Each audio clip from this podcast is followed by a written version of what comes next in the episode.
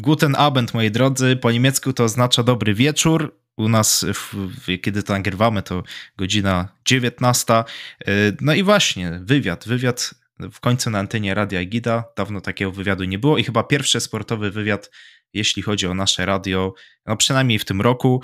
No a ze mną człowiek e, niby zwyczajny, ale z niezwykłą historią, dla wielu polskich kibiców y, był to człowiek, który był ostatnią szansą na utrzymanie polskiego składu Virtus Pro.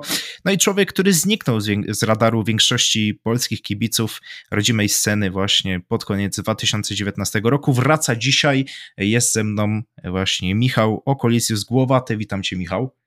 Cześć, cześć. Bardzo się cieszę, że przyjąłeś moje zaproszenie, no i jestem mega podekscytowany, że mogę z tobą porozmawiać. Dawno o tobie nic nie słyszeliśmy, także no mam nadzieję, że y, co nieco nam tutaj uchylisz rąbka tajemnicy. Z miłą chęcią. Dobrze, no porozmawiamy dzisiaj y, trochę o tym, co się dzieje u ciebie jako u oko, ale też y, chciałbym, żebyśmy y, poruszyli kwestię tego, jakim jesteś też człowiekiem, bo tak naprawdę wiele osób, y, patrząc na zawodników, czy to sportowych, czy sportowych, kojarzy ich początki jako początki związane z klubem, związane z organizacją sportową, a tak naprawdę te początki, ta historia rozpoczyna się no tak naprawdę od momentu urodzenia. No i tutaj ty się urodziłeś 28 lutego 1997 roku, także w zasadzie przedwiośnie i e, no, tak jak sama nazwa tej pory roku wskazuje, taka książkowa bardzo, zresztą lektura szkolna obowiązująca. Przychodzisz na świat, ty powiedz mi, e, jak wyglądało twoje dzieciństwo, jakim ty byłeś dzieckiem? Myślę, że w sumie ciężko mówić o sobie w ten sposób, ale w skrócie mówiąc, no myślę, że byłem raczej spokojniejszą osobą, bardziej um, porównując to do e, znajomych, którzy e, raczej woleli częściej wyjść na dwór, czy bawić się z innymi, czy grać w piłkę, to raczej ja z góry już, nie wiem, um, bardziej byłem tą osobą właśnie, która jednak się zamykała w domu, siedziała przed kąpem, nerdziła już od, od, od, mal, od, małego. Zdarzało się, wiadomo, jak to dzieciak, że, że, że wyszedłem jeszcze tam z, z chłopakami pograć czy w piłkę, czy coś, ale raczej e, powiedzmy 2 na, 2 na 5 już szedłem bardziej w, w, przed kąpa. E, no i no, myślę, że tak można opisać. Bardziej, bardziej byłem taki nie, może nie tyle co samotnikiem, co po prostu kręciło mnie od małego siedzenie przed kąpem i w sumie myślę, że sprawiło to trochę, że, e, że wtedy rodzice bardzo dużo pracowali, bardziej siedziałem sam i myślę, że to właśnie z tego wyszło, że jednak e, wolałem sobie usiąść przed kąpem niż ten, niż szukać tego kontaktu do ludzi. A jakie były twoje początki w CESie? Bo to zawsze y, jest tak, że albo przez brata się poznaje jakąś grę, albo gdzieś w szkole się dowiadujesz, że, że jest taka gierka jak CES. Jak to wyglądało w twoim przypadku? W sumie tych styków miałem parę. Pamiętam, że y, mama zapisała mnie na, na kurs angielskiego w takiej kafejce i tam właśnie na przykład odkryliśmy z kolegami, koleżankami, że, że jakieś tam gry były instalowane i na przerwach się to odpalało i patrzyło o co chodzi. I, I w sumie przez to druga rzecz była, że miałem znajomego 4 lata starszego ode mnie, który coś tam pogrywał. Pamiętam, że raz byłem u niego i, i nie chciał mi dać, co prawda, spróbować, ale pamiętam jak dziś, że, że jednak dał mi chwilę pograć. Pamiętam, że nie mogłem się odnaleźć w ogóle z tym, że grał lewą ręką. To mnie bardzo dziwiło. E, no i w sumie to były takie pierwsze dwa styki z tą grą. Potem odkryłem, że jeden z moich sąsiadów, z którym się też dobrze kumplowałem, E, z którym tam zdarzyło się, że poszedłem pograć w piłkę, jak się okazało, też grał w CS-a i grał na, na osiedlowych serwerach, przez które można powiedzieć mniej więcej się wybiłem jakoś. No i właśnie tam przeszedłem do niego raz czy dwa razy, no i tak to wyszło, że potem ściągnąłem sobie w końcu sam tego CS-a, bo wiedziałem w końcu jak i, i tak się zaczęła ta przygoda. No właśnie, bo wiem, że nawet dochodziło do takich sytuacji, że y, jak już kogoś wyjaśniłeś na serwerze, a mieszkał w twojej okolicy, to zdarzało się, że gonił cię tam po prostu potem, jak cię spotkał na osiedlu. No właśnie była taka jedna sytuacja, ja byłem raczej takim dzieciakiem, zresztą kto tego nie zna, że przez kabelek wiadomo, że trochę człowiek staje się odważniejszy, zwłaszcza jak jest od kogoś w coś lepszy.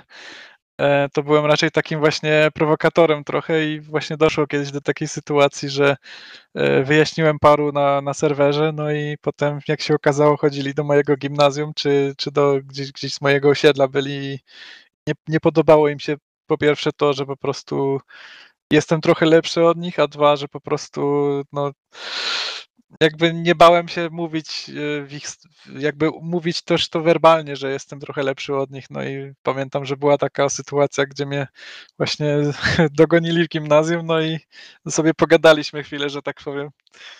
Ale co, skończyło się na faktycznie na rozmowie, czy może zaprosiłeś ich na pojedynek 1 versus 4, czy 1 versus 5 na mrzu? Znaczy, wiesz co, skończyło się trochę na rozmowie, bo mnie trochę postraszyli, ale była tam też taka akcja, że jeden z nich to już był taki trochę starszy facet, nie wiem, po dwudziestce. W tamtym czasie ja miałem, nie wiem, 13 lat, on miał 20 ileś powiedzmy. No i tam było, że chciał mnie gdzieś e, pod szkołą e, czekać na mnie po szkole i mnie wyjaśniać. Ja jako wiadomo dzieciak 13-letni trochę się wystraszyłem i tam w sumie była nawet wzywana policja po części, z czego ja się w sumie w dzisiejszych czasach śmieję, ale jednak chwilowo było gorąco i jak tak sobie pomyśleć dzisiaj, że to było właśnie, bo, bo nie wiem, pocisnąłeś kogoś e, w CS-a, niekoniecznie bardziej werbalnie, a bardziej właśnie wygrywając na niego, to trochę to, no było to przykre na ten moment, no ale wiesz, co zrobisz. No całe szczęście, że, że się udało ogarnąć całą sytuację. A powiedz mi, bo grałeś, wiedziałeś, że, że jesteś dobry, a kiedy przyszedł ten moment, że powiedziałeś sobie, tak, ja chcę być profesjonalnym graczem? Wiesz co, nie, wydaje mi się, że nie było takiego przełomowego momentu. Było to raczej przez cały czas, jakby śledziłem po części też swego czasu. E, wtedy to były jeszcze PGS-y, potem jakieś mymy, potem Frag Executor z chłopaków, którzy obecnie e, grają powiedzmy w Honoris na przykład. E, a w przeszłości reprezentowali Virtus Pro. Myślę, że to się wzięło z tego, że bardzo mi się podobało, że, że grałem na jakichś turniejach i czasami oglądałem jakieś, jakieś mecze ich, czy też jakieś, e, e, jakieś filmiki na YouTubie, no i stwierdziłem, może nie było tak, że stwierdziłem sobie nagle, że chcę, by, chcę być jak oni, ale po prostu trochę się upodobadniałem do nich, można powiedzieć, i, i starałem się stawać się lepszym właśnie w tą grę, mimo że mimo że w sumie raczej nie tyle, co może ja, co nikt we mnie tak naprawdę nie wierzył. Pamiętam, że chodząc do szkoły, ludzie słyszeli właśnie o tym, że tyle spędzam przed kompem, że gram tyle w CS-a i wszyscy się śmiali, że co ty chcesz zrobić z życia i tak dalej. E, a ja im odpowiadałem, no zobaczymy, może kiedyś coś się ten. No i na dobrą sprawę zawsze, zawsze spotykałem się z tym, że ludzie się z tego śmiali.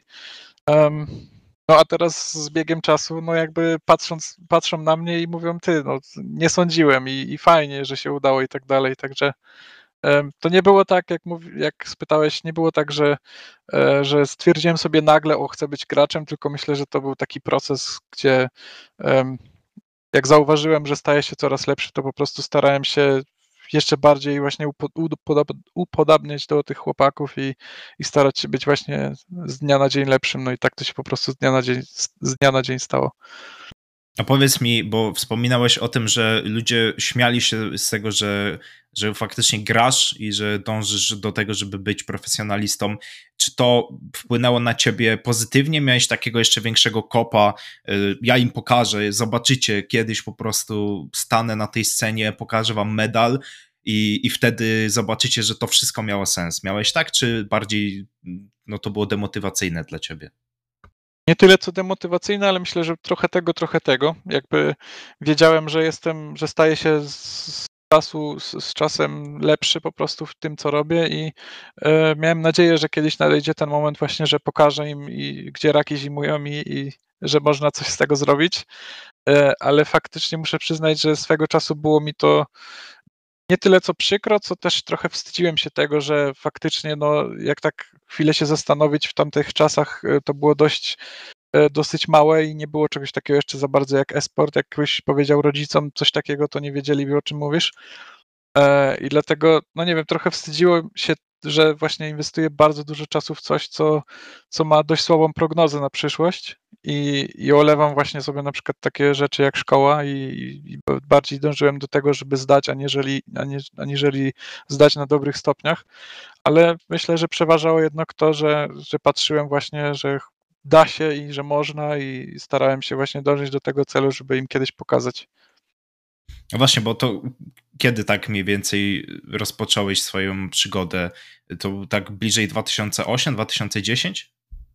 E, wiesz co, wydaje mi się, że kiedy myślę, że koło 2011, kiedy miałem swoje pierwsze drużyny jeszcze za czasów 1.6 i zacząłem gdzieś tam trochę sobie pogrywać w Eslu czy jakichś tam małych turniejach, e, ale tak faktycznie jednak na poważnie wziąłem to dopiero jak wyszło CSGO, można powiedzieć, czyli na przestrzeni 2000, no wyszedł co prawda w 2012, ale można powiedzieć, że bardzo poważnie wziąłem to jakoś tak dopiero w 2013-2014 roku. No tak, no bo wtedy no jedną z takich pierwszych ekip, która jest zarejestrowana na twoim profilu, jeśli chodzi o Liquipedia, no to jest właśnie y, Last Hope, a to była polska drużyna, prawda?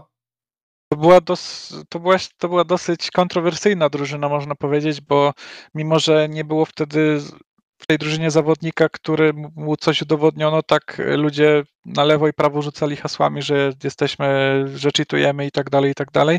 A tak naprawdę z biegiem czasu można zauważyć, że praktycznie, no powiedzmy, minimum dwóch jej członków z czasem doszło na taki szczebel, gdzie reprezentowali Polskę na, na przeróżnych turniejach. No w sumie trzech z nas, jeżeli mnie też e, liczyć do tego.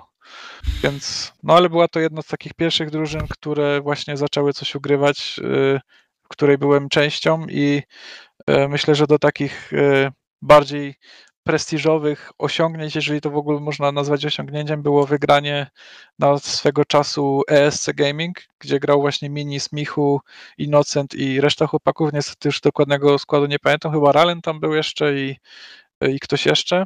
Pamiętam, że wygraliśmy na nich online na jakichś kwalifikacjach do jakiegoś turnieju i e, wydaje mi się, że swego czasu był to ich pier, była to ich pierwsza przegrana na polską ekipę poza Virtus Pro, więc można powiedzieć, że był to taki jeden mały pierwszy szczebelek, jakieś tam małe osiągnięcie, które sobie można zapisać. No tak, i potem tak naprawdę no, byłeś koło roku, chyba koło 10 miesięcy w tej ekipie i potem 3.1, 3.7 eSports to jeszcze taki projekt y, polski i tam taka ekipa, która no, całkiem fajne rzeczy osiągnęła, jeśli chodzi o scenę. Wiesz co, w tej ekipie, w której ja grałem, to za dużo nie osiągnęliśmy, bo zagraliśmy na bodajże tylko jednym turnieju lanowym. I tam zagraliśmy. A to był chyba Płoński Sports Challenge, tak? Dokładnie, dokładnie. I tam, tam, tam drugie miejsce. miejsce no. Dokładnie. Z czasu patrząc, to nie, też nie było to jakieś duże osiągnięcie, bo przegraliśmy na drużynę miksową w sumie można powiedzieć, ale był to dla większości z nas pierwszy LAN po prostu, więc wydaje mi się, że jak na oczekiwania i to, że wiesz, to właśnie też y, tam, tam też byli właśnie zawodnicy z SC, którzy swego czasu też myśleli, że jesteśmy odpaleni, stali nam za plecami i mimo, że wiadomo, miałeś pewność, że nie czytujemy, to jednak była ta jaka, jakaś trochę wywarana presja na tobie, że siedzą za tobą i patrzą, co się dzieje. I, ale myślę, że mimo, mimo tej presji pokazaliśmy, że nie jesteśmy słabi i że właśnie w, ten, w tamtym momencie zaczęło się dla paru z nas tak jakby zaczęły się otwierać troszeczkę drzwiczki, że jakiś tam e, Ritz czy powiedzmy Mono dostali jakieś tam oferty z polskich drużyn. No ja miałem tam zawsze trochę część, e, cię, e, część ciężej, jeśli chodzi o polskie ekipy, bo jednak ta logistyka i tak dalej, mieszkając w Niemczech, no nie jest to tania sprawa, dlatego do czasów Virtus Pro tak naprawdę nigdy nie, nie, nie znalazłem w Polsce pracodawcy. No właśnie, bo ty przeprowadziłeś się tak naprawdę do Niemczech. W którym to było roku? Ile miałeś lat wtedy? Właśnie tuż, to było dość, e, dość e, blisko tego incydentu właśnie, gdzie chłopaki mnie gonili po szkole. To było rok później. Na końcu pierwszej gimnazjum to było w 2011 roku, kiedy miałem około 14 lat, także dość wcześnie i Um, dlatego właśnie tak to wyszło, jak wyszło, że w tych polskich ekipach za bardzo, za dużo nie siedziałem.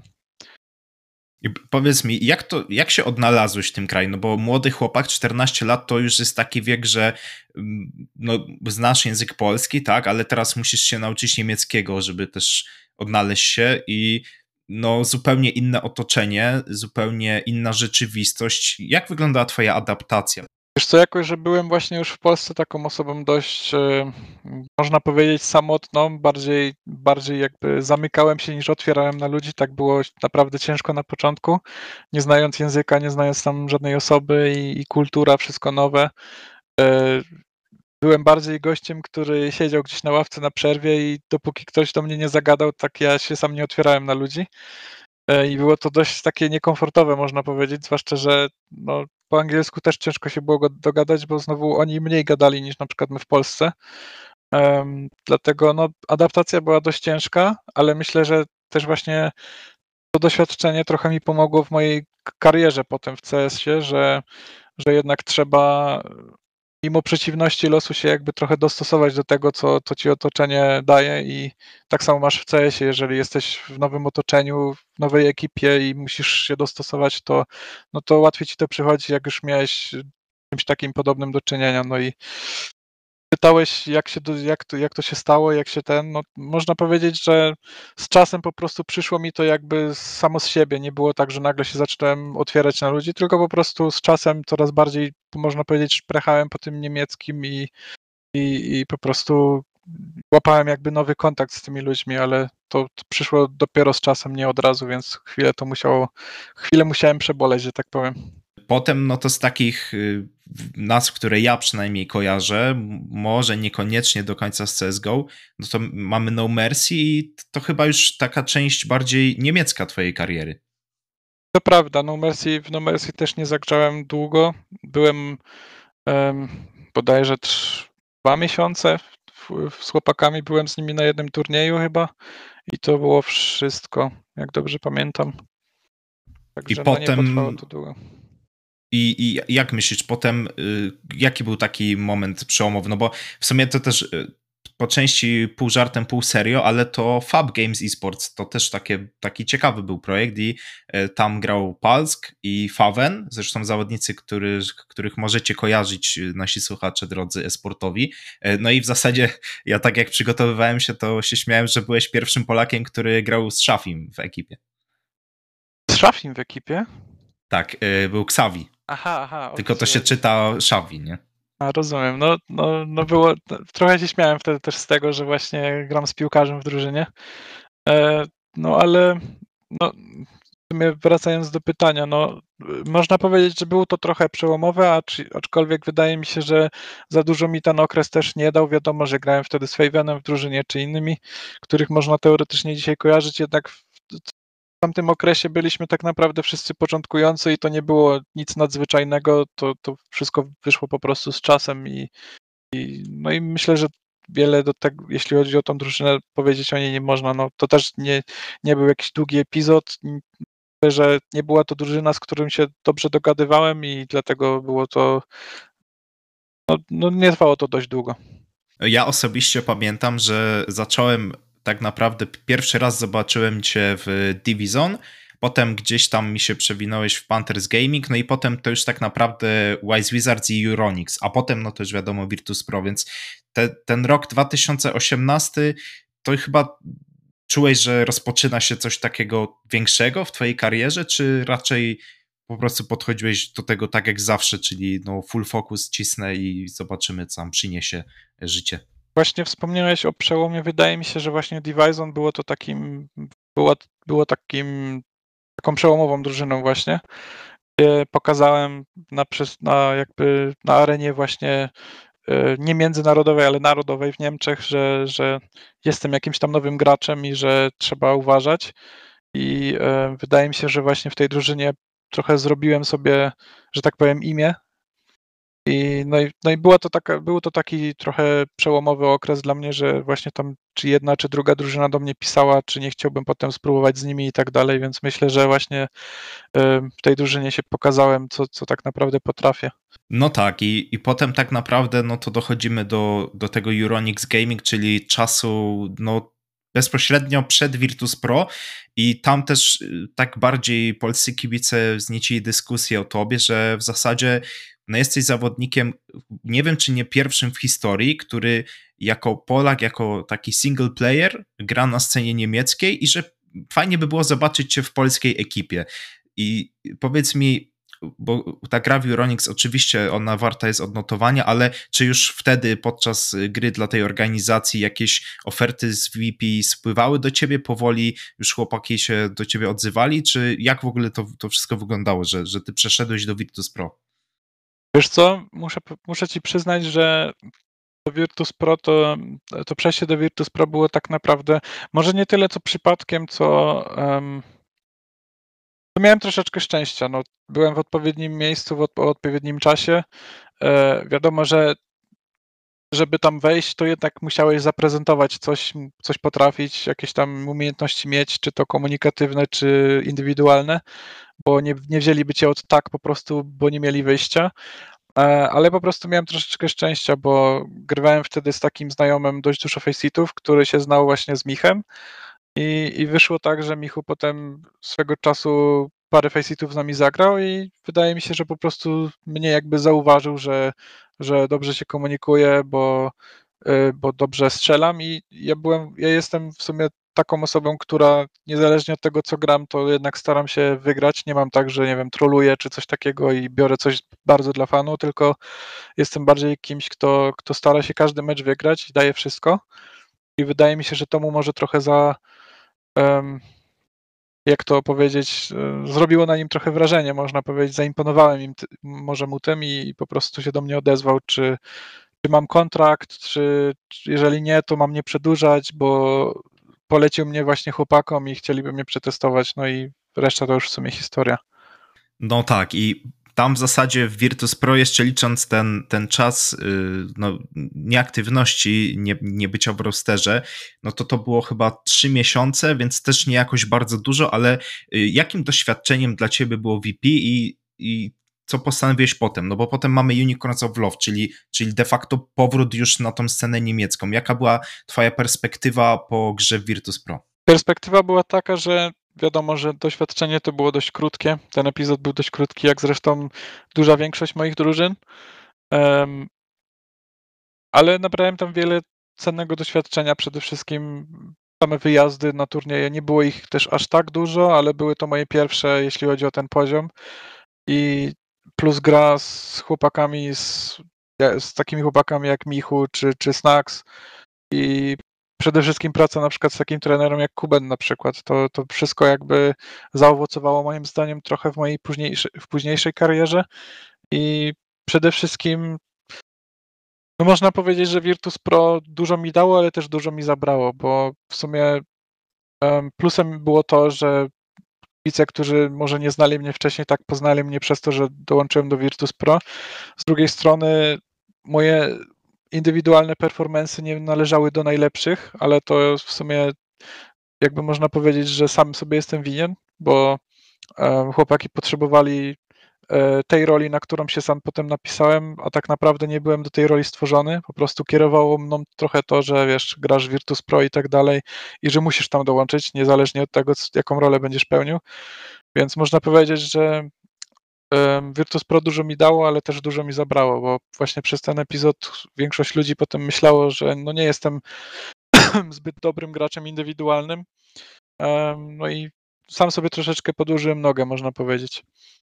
Ale tam też nie miałeś y, chyba takiej roli, która by ci tak do końca odpowiadała, bo ty raczej byłeś takim zawodnikiem chyba bardziej star playerem, właśnie takim gościem z potężnym aimem, wychodzącym na duele, a tam jednak miałeś zastąpić chyba bardziej takiego supporta i ludzie błędnie patrzyli na twoje statystyki, że one nie były zbyt dobre, ale poniekąd chyba taką miałeś specyfikę gry. Jak uważasz? E, wydaje mi się, że pierwszym moim problemem największym nawet nie była sama rola, a to, że się po prostu w tej ekipie nigdy tak naprawdę do końca nie odnalazłem.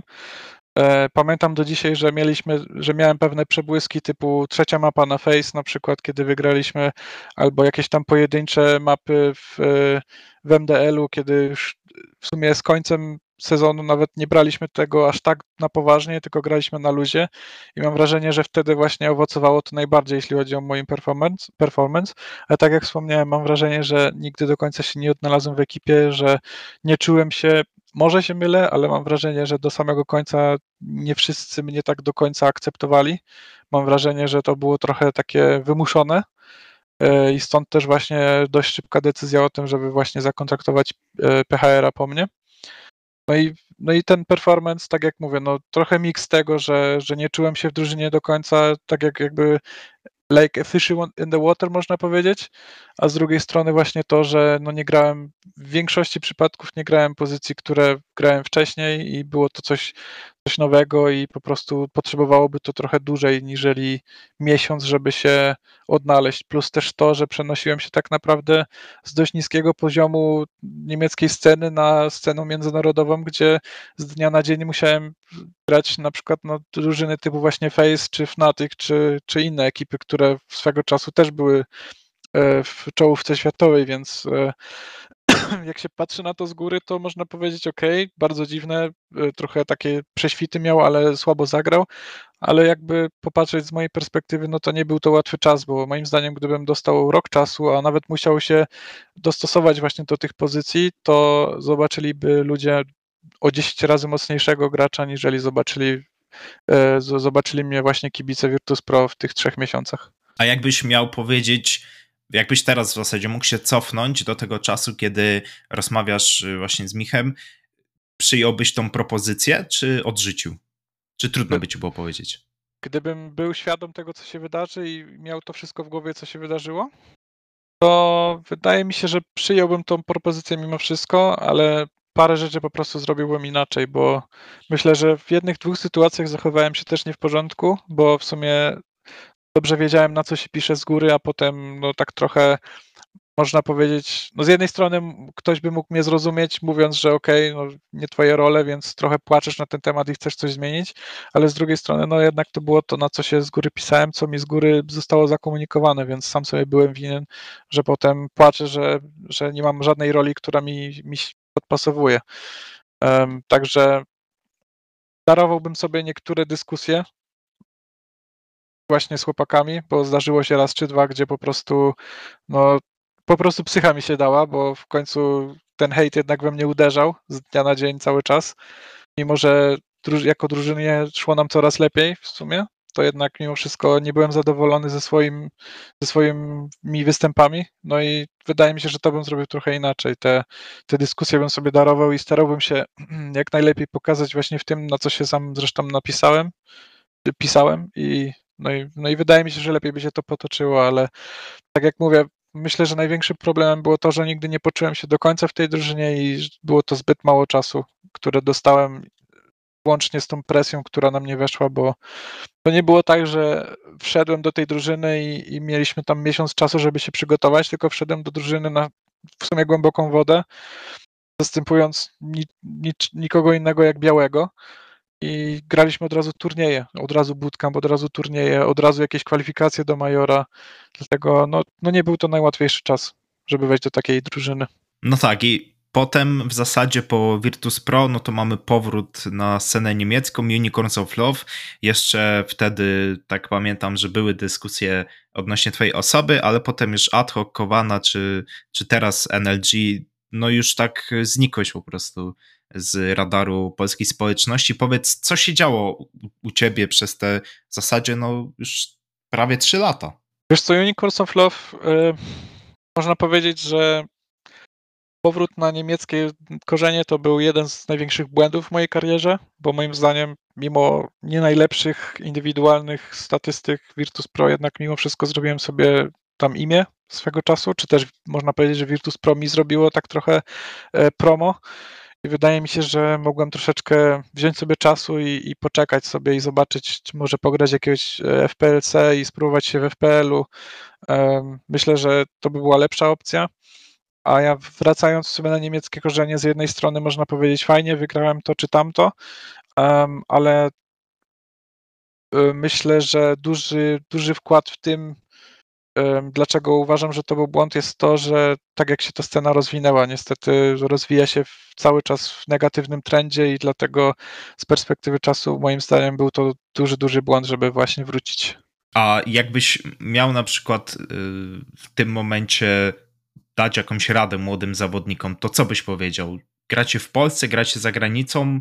Jest jakiś klucz uniwersalny, aby tą drogę kariery wybrać jak najlepszą? Są pewne schematy, które sprawdzają się u większości zawodników? Owszem, uważam, że najbardziej opłacalną sprawą jest e, dostać się do FPL-a. Moim zdaniem to najpro... z jednej strony najtrudniejsze, tak z drugiej strony, jak już tam jesteś, to moim zdaniem jest to najprostsza droga do, do właśnie do sukcesu, żeby pokazać, co, co, się, co się potrafi i no wejść na tą właśnie europejską scenę. Moim zdaniem tak samo niemiecka, jak i polska, e, jak, jak i polska scena troszeczkę stoją w miejscu na ten moment. Wydaje mi się, że niemiecka troszeczkę bardziej niż polska, więc jeżeli już by się ktoś miał decydować, to, to polecam jednak na tej polskiej scenie zostać. Może coś się zmieni. Aczkolwiek najlepszą opcją raczej byłoby właśnie próbować się na Faceitie, próbować wejść do tego FPL-a, a jeżeli ktoś bardziej preferuje jednak grę drużynową, no to starać się właśnie dostać do jakiejś ekipy właśnie EU, czy to tam zaczynać w jakichś niższych ligach SA i, potem się wspinać wyżej, czy, czy tak jak mówię, no, no jednak ten FPL to, to jest naj, najlepsza opcja moim, moim mniemaniu. W tym momencie jesteś zawodnikiem No Limit Gaming, z tego co wiem, to jest austriacka organizacja i też y, gracie w tych y, mistrzostwach Niemiec. E, tam zajmujecie w grupie B bodajże czwarte miejsce, y, no ale dwóch zawodników straciliście, oni odeszli do Alternate Attacks. Jak wygląda w tym momencie sytuacja w drużynie? Mm, tu cię muszę troszkę poprawić, bo obecnie nie gram w żadnej drużynie i No Limit stało się w sumie takim, takim miksem, gdzie ponieważ organizacja już nie, nie chce inwestować, tak e, No Limit stało się po prostu miksem i, i chłopaki sobie tam grają. A nasza drużyna w sumie rozpadła się e, parę miesięcy temu e, z końcem sezonu, kiedy przegraliśmy na Kowane, na lanie Mistrzostw Niemiec. E, no i wtedy stwierdziliśmy, że będzie ciężko znaleźć, znaleźć właśnie sponsorów na naszą drużynę, dla naszej drużyny i właśnie duży, duży wkład w, tym, w tej decyzji miało to, że właśnie no, nie jest najlepiej z niemiecką sceną na ten moment i dlatego nasza drużyna właśnie się rozpadła. Dwóch, tak jak wspomniałeś, poszli do, poszło do Alternate Attacks. E, jeden poszedł pomagać Sprout, bo Sprout, jak wiadomo, teraz ma e, EU lineup i dlatego potrzebowali e, graczy z Niemiec, żeby móc dalej grać w, w Mistrzostwach Niemiec. Dlatego no tak, tak wyszło, jak wyszło, no niestety. Czyli wnioskujemy do HLTV oficjalnie o aktualizację, e, a tak na serię już to, to w takim razie co, co u ciebie, co planujesz, jaka będzie twoja przyszłość? No myślę, że dość przykro, przykro mi, z, że tak powiem, patrząc z perspektywy jak to wszystko wyszło, no ale wydaje mi się, że obecnie będę się raczej żegnał właśnie z karierą profesjonalnego gracza. Doszedłem troszeczkę do wniosku, że e, że jednak no, ważne jest zbudować sobie coś, jakiś, jakiś filar właśnie, jeśli chodzi o życie prywatne, no i myślę, że to jest właśnie ten moment, gdzie, gdzie jednak trzeba się o to trochę postarać, bo w sumie tych studii nigdy nie skończyłem, i, a wypadałoby, żeby mieć troszeczkę stabilność nie tylko finansową, ale też żeby być trochę pewnym tego, co będzie w przyszłości. Dlatego postanowiłem, że właśnie od przyszłego roku zaczynam na 100% studia i tu w Niemczech na szczęście masz taką fajną opcję, że studiując, ma, masz opcję studii i po prostu szukania sobie pracy na własną rękę, ale masz też opcję właśnie, tak jak ja sobie to wybrałem, studiować e, mając kontrakt od razu z pewną firmą, która cię tak naprawdę zapewnia jakby przyszłość, można powiedzieć. Studiujesz, oni ci opłacają e, e, twoją, twoją edukację i po, po, skończeniu, po ukończeniu studii po prostu jesteś z nimi powiązany na parę lat i właśnie na taki krok się zdecydowałem. Miałem troszeczkę szczęście, bo w sumie dzięki mojej karierze znalazłem też bardzo, bardzo e, mocnego, mocnego gracza międzynarodowego, jeśli chodzi o, o, o na przykład branżę budowy e, drzwi i, i tak dalej, i tak dalej. Są bodajże top 4 na świecie, także pracodawcę mam dość przyszłościowego i wydaje mi się, że to jest właśnie ten właściwy krok, który teraz robię, jeśli chodzi o, o swoje życie.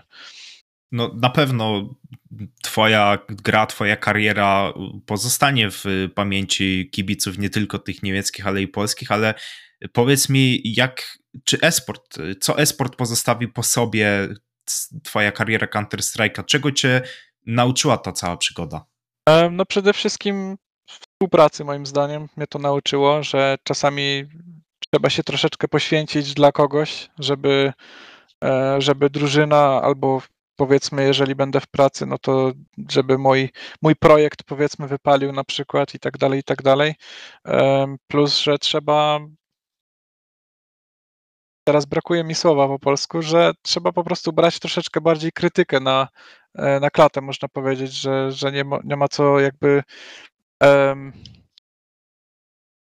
jakby to powiedzieć, no, no, no, ważne jest, żeby po prostu akceptować to, co ludzie mają ci do powiedzenia, bo tak naprawdę niezależnie od tego, jak ci to ktoś powie i jak cię to zaboli, to tak naprawdę możesz się tylko czegoś z tego nauczyć i, i to cię ukształtuje jako człowieka przyszłościowo, więc e, myślę, że te dwie rzeczy, właśnie współpraca plus e, być samokrytycznym wobec siebie, ale też akceptować krytykę, to są te takie właśnie najważniejsze czynniki, które trochę wyniosłem właśnie z tej sportowej kariery i myślę, które mnie bardzo daleko jeszcze poniosą, jeśli chodzi o moją karierę właśnie teraz e, normalnego pracownika, że tak powiem. A czy jakbyś na przykład dostał ofertę bycia ekspertem na jakiejś transmisji, czy to e, niemieckiej, czy to polskiej, przyjąłbyś taką ofertę? Zastanowiłbym się na pewno, ponieważ esport jakby no zawsze gdzieś tam pozostanie moim hobby i moją e, pasją. Aczkolwiek muszę ci powiedzieć, że nigdy się nie czułem jakoś super przed kamerą jedynie w roli gracza na scenie, ale tak to nigdy, czy, czy na przykład w jakimś tam e, e, wywiadzie, ale nigdy nie czułem się jakby w takiej roli, gdzie na, nagle muszę bardzo dużo mówić, więc wydaje mi się, że bardziej tendencja byłaby na nie, ale na pewno bym to przemyślał z racji na to, że jest to jednak esport i to, co lubię najbardziej robić. No, na pewno diemy twoje są otwarte, także y, warto, warto próbować, jakieś ciekawe propozycje podsyłać. No i cóż, no to już tak w zasadzie na zakończenie, no ja ze swojej strony myślę też, że poniekąd ze strony community y, bardzo ci dziękuję przede wszystkim za ten wywiad ale również y, za całokształt y, Twojej kariery, bo myślę, że też po tym wywiadzie część osób y, znajdzie się w takiej sytuacji, w której Ty byłeś życiowej. Wiele młodych takich grajków, którzy teraz dopiero na przykład rozpoczynają przygodę z CS-em. Może będziesz takim dla nich też przykładem, że nieważne co się dzieje też w życiu, ale jeśli starasz się, jeśli masz zajawkę, jeśli pracujesz ciężko na ten sukces, to ten sukces osiągasz. I nawet jeśli nie uda ci się być w tierze jeden przez długi czas, to jednak zawsze ten esport, zawsze z tego wszystkiego możesz wyciągnąć wiele wartościowych rzeczy i wykorzystać je potem w życiu, także no nie ma nic do stracenia, tylko jest do zyskania i, i, bardzo Ci też dziękuję za tą dzisiejszą rozmowę, bo rozmawiało się świetnie. Na pewno no jeszcze do północy byśmy mogli na różne tematy rozmawiać, ale, ale trzeba powoli kończyć. Także jeszcze raz Ci bardzo serdecznie dziękuję. No I ze mną był Michał Okolicjus Głowaty, zawodnik, no już chyba można to powiedzieć, były Counter Strike'a. No dziękuję bardzo moi drodzy za to, że też wysłuchaliście. No i co, życzę wam oczywiście udanego wieczoru, tobie również Michał. Dzięki bardzo za rozmowę. Dziękuję Trzymajcie bardzo, się. Ale jeszcze mam dwa centy w sumie od siebie. A, proszę cię bardzo, proszę. Bo wspomniałeś, bo wspomniałeś, że może ktoś będzie w podobnej sytuacji, tak teraz może dwa centy ode mnie. E, w sumie poprzez to, jak potoczyła się, przez to, jak potoczyła się właśnie moja kariera, polecałbym każdemu młodemu graczowi przede wszystkim skupić się, nieważne jakie są obecne sytuacje, oferty i tak dalej, jednak skupić się na tym, żeby mieć jakieś pewne zabezpieczenie w życiu i tak jak to wszyscy powtarzają, to nie jest, żeby komuś zrobić na złość, tak jest to bardzo ważne. Zróbcie sobie tą maturę, zróbcie sobie najlepiej jakieś studia i dopiero wtedy idźcie full time w CS-a. Taka moja mała, ma, mała rada na przyszłość, bo wtedy jesteście w stanie się temu w 100% poświęcić i nieważne co się będzie działo, zawsze macie ten plan B, zawsze możecie sobie jakąś tam pracę znaleźć, a jeżeli tego właśnie nie ma i po pięciu latach się obudzicie trochę z ręką w nocniku, to będziecie się bardzo, będziecie mieć bardzo dużo pretensji właśnie do siebie, że tego nie zrobiliście. Tak jest, bardzo mądre słowa. No i taki pozytywny akcent też edukacyjny, merytoryczny. Egida nie tylko bawi, ale też i uczy. Jak Także dziękuję bardzo za te, za te słowa. E, no i co, był ze mną e, Michał Okolicjusz Głowaty, a rozmowę dla Radia Gieda przeprowadzał Bartosz Amazing Solak. Dziękuję bardzo